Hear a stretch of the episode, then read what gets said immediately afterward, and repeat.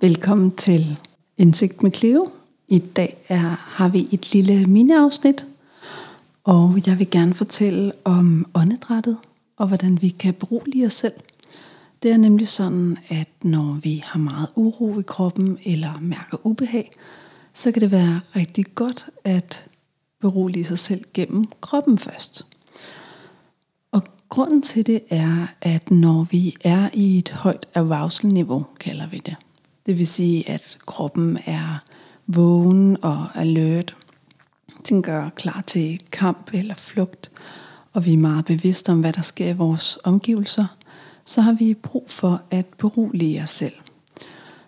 Øhm, og det, der sker, når vi er i det her høje arousal-niveau i kroppen, det er det, vi kalder det sympatiske nervesystem. Jeg husker det selv ved, at det sympatiske nervesystem faktisk er ret usympatisk.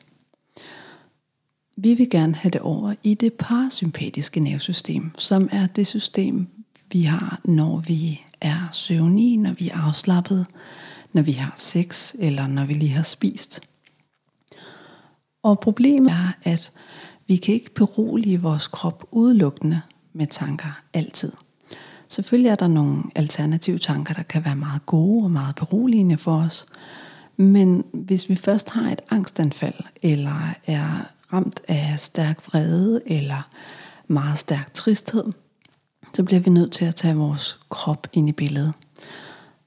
Og grunden til, at det er sådan, er fordi, at det signalsystem, som kommunikerer mellem hjernen og kroppen, det er vagusnerven, der løber fra hjernen og ned i kroppen gennem ryggraden. Det er sådan en rigtig stor, hvad skal man sige, øh, central for, hvad der sker i kroppen.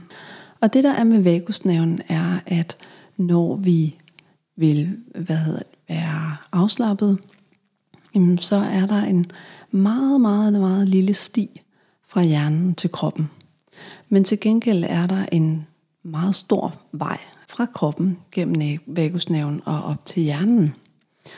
Så det vil sige, at når vi bliver ramt af noget uforudsigeligt, når der kommer en bil ud foran os, eller vi står foran en bjørn, jamen så er det ret praktisk, at kroppen reagerer lynhurtigt på fare.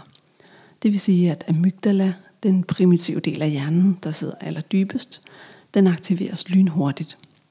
Og når det sker, jamen så springer vi nogle tankeprocesser over. De her grundige tankeprocesser, der går fra det præfrontale cortex op foran i hjernen og hele vejen gennem alle dele af hjernen og hen til det synsområde bagerst i hjernen. Den langvarige proces, vi normalt har, når vi har normale tankeprocesser, det springer vi simpelthen over, når vi er i et højt arousal-niveau. Derfor så bliver vi nødt til at bruge vores krop, når vi skal berolige os selv, når vi først er i alarmberedskab. Enten når der lige har været en fare, eller vi er blevet overrasket, og vi stadig kan mærke chokket i vores krop, eller hvis vi er blevet ramt af meget pludselig raseri. Det kan også være, at vi er i dyb affekt og har et, et grådanfald øh, og er meget, meget, meget ked af det. Det kan være, at man lige har fået at vide, at en, man holder meget af, er afgået ved døden. Vi kan alle sammen opleve de her pludselige, meget stærke følelsesmæssige reaktioner, som er helt naturlige og ganske forståelige.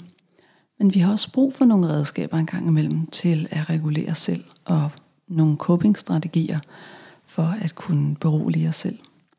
Og en af de her coping-strategier vil jeg tage op med dig i dag. Og det er åndedrætsteknikker. Åndedrætsteknikker er enormt gode i forhold til at berolige sig selv. Øhm, det er noget, vi kender især fra behandling af angstanfald, men det er sådan set noget, man også kan bruge ved andre stærke følelser, hvor graden af ubehag er helt op og ringe.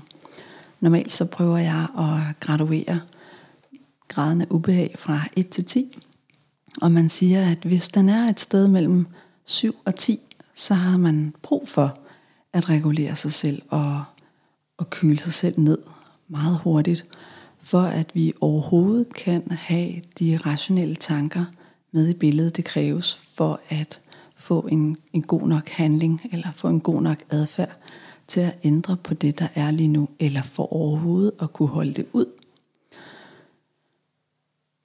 Så fidusen ved åndedrætsteknikker er, at vi her kommunikerer med vagusnaven, den jeg snakkede om lige før.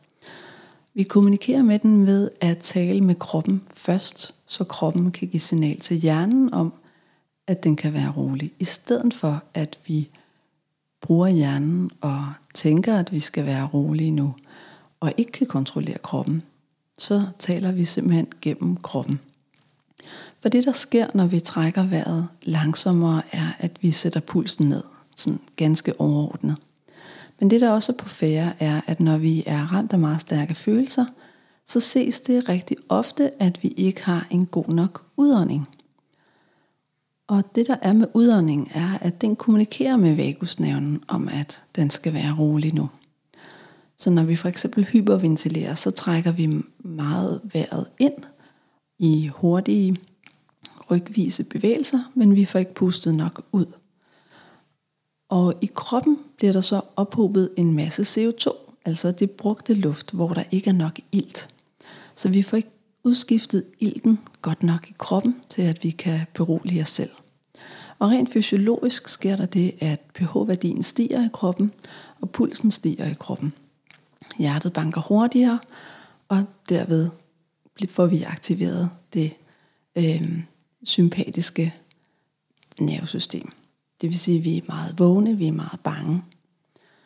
Man kan også sige det på den måde, at når man har et angstanfald, når det virkelig rammer en, så er vores åndedræt meget hurtigt. Vi er meget bange, og vi er alert. Vi trækker vejret hurtigt, og vi får ikke trukket vejret ordentligt ud. Vi får ikke pustet ud nok. Omvendt kan man også vente om og øh, prøve at hyperventilere. Det er ikke noget, jeg bruger særlig meget, men hvis man puster ned i en pose og trækker vejret meget hurtigt, og hyperventilerer og gør noget ud af at trække vejret ind og ikke trække puste ordentligt ud, så kan man faktisk mærke den her uro, man kan fremkalde det i sin krop. Og det er øh, noget, man bruger i kognitiv, blandt andet, kognitiv terapi blandt andet. Fordi at vi her påviser, at vi faktisk kan styre vores angst. Både den ene vej og den anden vej. Vi kan øh, med de rigtige redskaber og det rigtige overblik og den nye committed adfærd, så kan vi faktisk styre angstanfaldet, så vi beroliger os selv. Men vi kan også fremprovokere det, selvom vi er helt neutralt humør. Det der er med øh, åndedrættet, er, at vi sørger for at puste luften nok ud, og vi fylder maven helt op med luft. Og det gør vi for at ilte vores krop nok. Så når du bliver ramt af et angstanfald eller meget stærke følelser, så gælder det simpelthen om at trække vejret dybt ned. Og jeg plejer at anbefale mine klienter til at holde en hånd på maven. Og det er fordi, vi gerne vil have luften ned i de nederste dele af lungerne. Eller vil vi gerne have, at man trækker vejret ned i maven, så at sige. Så i stedet for, at vi kun trækker vejret gennem den øverste del af lungerne og ribbenene, jamen så skulle vi gerne kunne mærke, at maven bevæger sig ind og ud. Det du også skal fokusere på, er din vejrtrækning selvfølgelig. Men prøv at være bevidst om, hvordan det føles, når du trækker vejret ind. Kan du mærke, hvordan det føles omkring næsen, omkring svælget? Kan du finde fodfæste? Den åndedrætsøvelse, jeg vil guide dig til lige nu, det er en, hvor du skal tælle. Og det gode ved at tælle, samtidig med at du har fokus på din vejrtrækning, det er, at du bliver afledt. Så ikke nok med, at du får kontakt til din krop. Du skal også koncentrere dig om nogle tal. Og tal er sjældent noget, der vækker særlig mange følelser i os mennesker. Det er ret simpelt, og det er meget neutralt. Men hvis man har et angstanfald eller stærke følelser, er det her faktisk en rigtig svær øvelse. Både at have fokus på åndedrættet og tallene, og ikke lade de svære tanker komme ind. Men når vi er ramt af et angstanfald eller har svære følelser, så er det her med at fokusere ned i åndedrættet og kroppen rigtig svært. Ikke nok med, at du skal prøve at være i kontakt med nuet og ikke være så fokuseret i det, der lige har ramt dig. Du skal også kunne mærke din åndedræt, mærke, at du trækker det ned i vejret og tælle på samme tid. Så det er altså en form for afledningsøvelse, hvor vi er med det, der nu engang er. Du kan bruge det her åndedræt, før du går i seng, hvis du gerne vil berolige dig selv. Du kan også bruge det, når du er meget ked af det. Og du kan selvfølgelig bruge det, når du har angst. Men det der er, er, at det ikke virker, hvis du ikke øver det en gang imellem. Det svarer lidt til at kunne øh, kaste anker og ordne sejlene på et skib under en storm, uden at du har sejlet med det, når det var vindstille. Den her teknik er altså noget, der skal sidde på ryggraden, lidt ligesom hvis du har øvet åndedrætsøvelser før en fødsel. Så er det rigtig svært at lave det her kunstige åndedræt, hvis du ikke har øvet det under graviditeten. Så derfor vil jeg anbefale, at du bruger det en gang imellem, når du er i ganske neutralt humør. Det kan være, når du står op om morgenen. Det kan være, når du er på vej til arbejde, enten i bil eller bus. Eller når du har fri fra arbejde, og du lige skal bruge et par minutter til at nulstille dig selv. Det er nemlig rigtig godt at lave de her overgange, når vi går fra den ene til den anden ting i løbet af dagen, så hjernen kan få lov til at følge med. Det, der også er vigtigt at huske på, er, at du ikke kun skal bruge åndedrættet, når du har angst. Vi har nemlig en rigtig gammel hjerne. Den er flere millioner år gammel, og den kan godt lide at finde mønstre og sætte ting sammen. Så ligesom at du måske får lyst til cola, når du er i biografen, fordi at vi er blevet betinget af reklamer gennem så mange år, jamen så kan kroppen faktisk også føle angst, hvis du kun har øvet det her åndedræt, mens du havde et angstanfald. Den husker, at uh, nu øver jeg det her åndedræt, så er det fordi, at der er noget fare på færre. Fordi det husker det som. Åndedrættet, jeg vil lære dig i dag, det hedder 579, og det er en åndedrætsøvelse, jeg har lært fra psykiatrien. Det går ud på, at du tæller til 5, mens du trækker vejret langsomt ind – og du holder en hånd på maven, og du ser lige, at din mave går ind og ud, at du trækker vejret dybt ned. Og så holder du det, mens du tæller til syv. Og når du holder vejret, mens du tæller til syv, så prøv om du kan slappe af i kæben, og du kan lade være med at låse i halsen. Du skal sådan set bare være fyldt op og ligesom gå i stå. Her giver du din krop den tid, den har brug for for at ilte kroppen nok med luft. Og så til sidst tæller du til 9, mens du trækker vejret langsomt ud. Og det er altså rigtig lang tid, når du ikke er vant til at lave den her øvelse. Men noget du kan gøre, er at puste igennem et sugerør. Forestil dig, at du puster igennem et sugerør, så du laver en mindre mund, og du giver lidt modstand på. Så du giver ikke bare slip med det samme, men du kan faktisk noget ud af den her udånding, som jeg lige fortalte, er så vigtigt for, at vi kan slappe af. Så du holder en hånd på maven. Du trækker vejret langsomt ind, mens du tæller til 5. Helt ned i bunden af lungerne, så du nærmest ikke kan trække mere luft ind. Så holder du vejret, mens du tæller til 7, uden at have modstand eller låse halsen eller låse kæberne. Og så puster du ganske langsomt ud med lidt let modstand mens du tæller til 9, så du kan mærke, at dine lunger er helt udtømte. Det her er en ret svær teknik at lære i starten, og du skal ikke kunne det fra begyndelsen. Det kan være meget normalt at få lidt flimmer om øjnene eller føle sig skidt tilpas. Og det er et tegn på, at nu skal du holde en pause og prøve igen senere. Du bestemmer selv tempoet, når du tæller. Det behøver ikke at være sekunder, for det er meget lang tid. Så se det lidt som en yogaøvelse, at du skal lytte til dine grænser og respektere dem. Du må ikke presse dig selv for meget, fordi så kan det skabe unødig uro, hvis du for eksempel får flimmer for øjnene.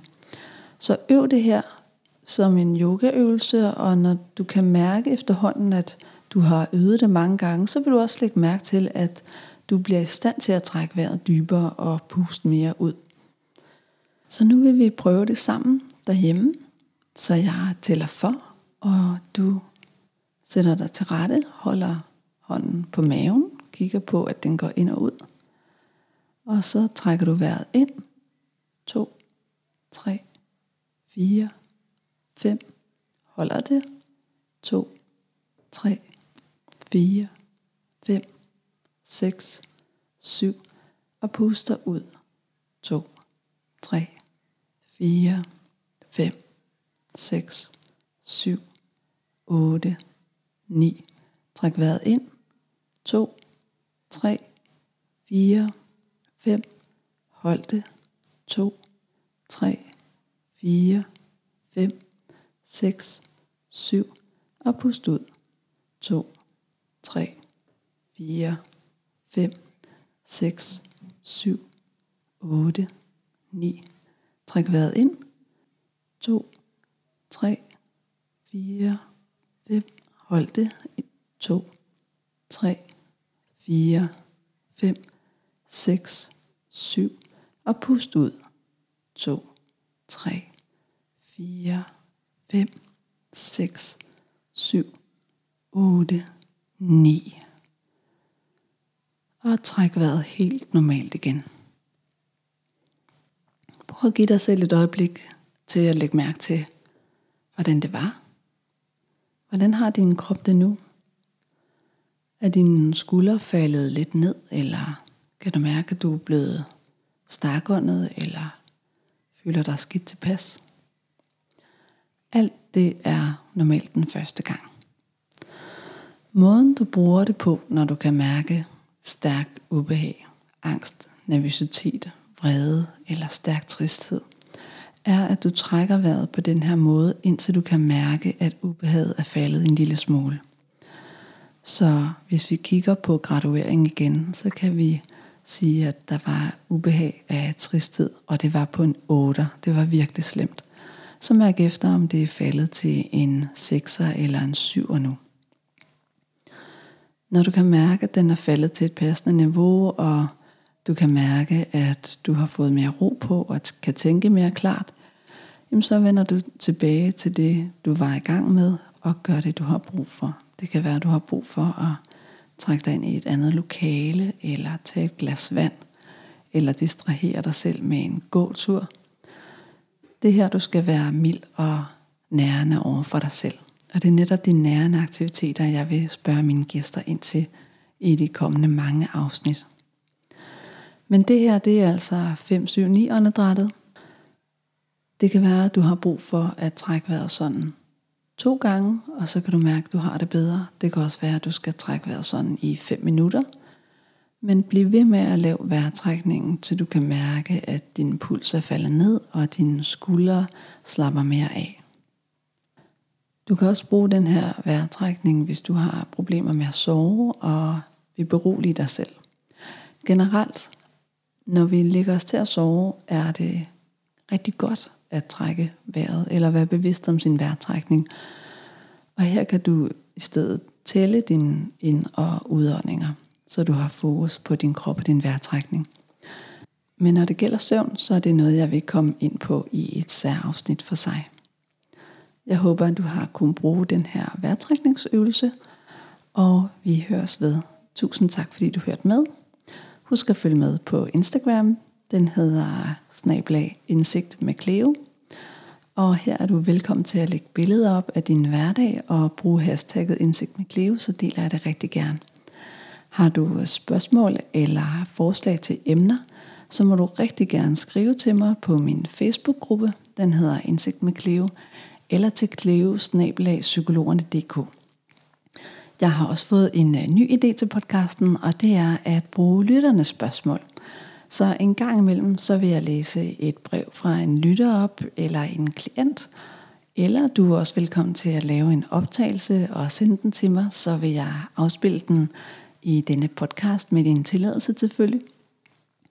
Og så vil jeg prøve at få min dejlige kollega og jeg selv til at besvare dine spørgsmål og tage dit emne op. Jeg håber, du får en rigtig dejlig dag. Hej. thank you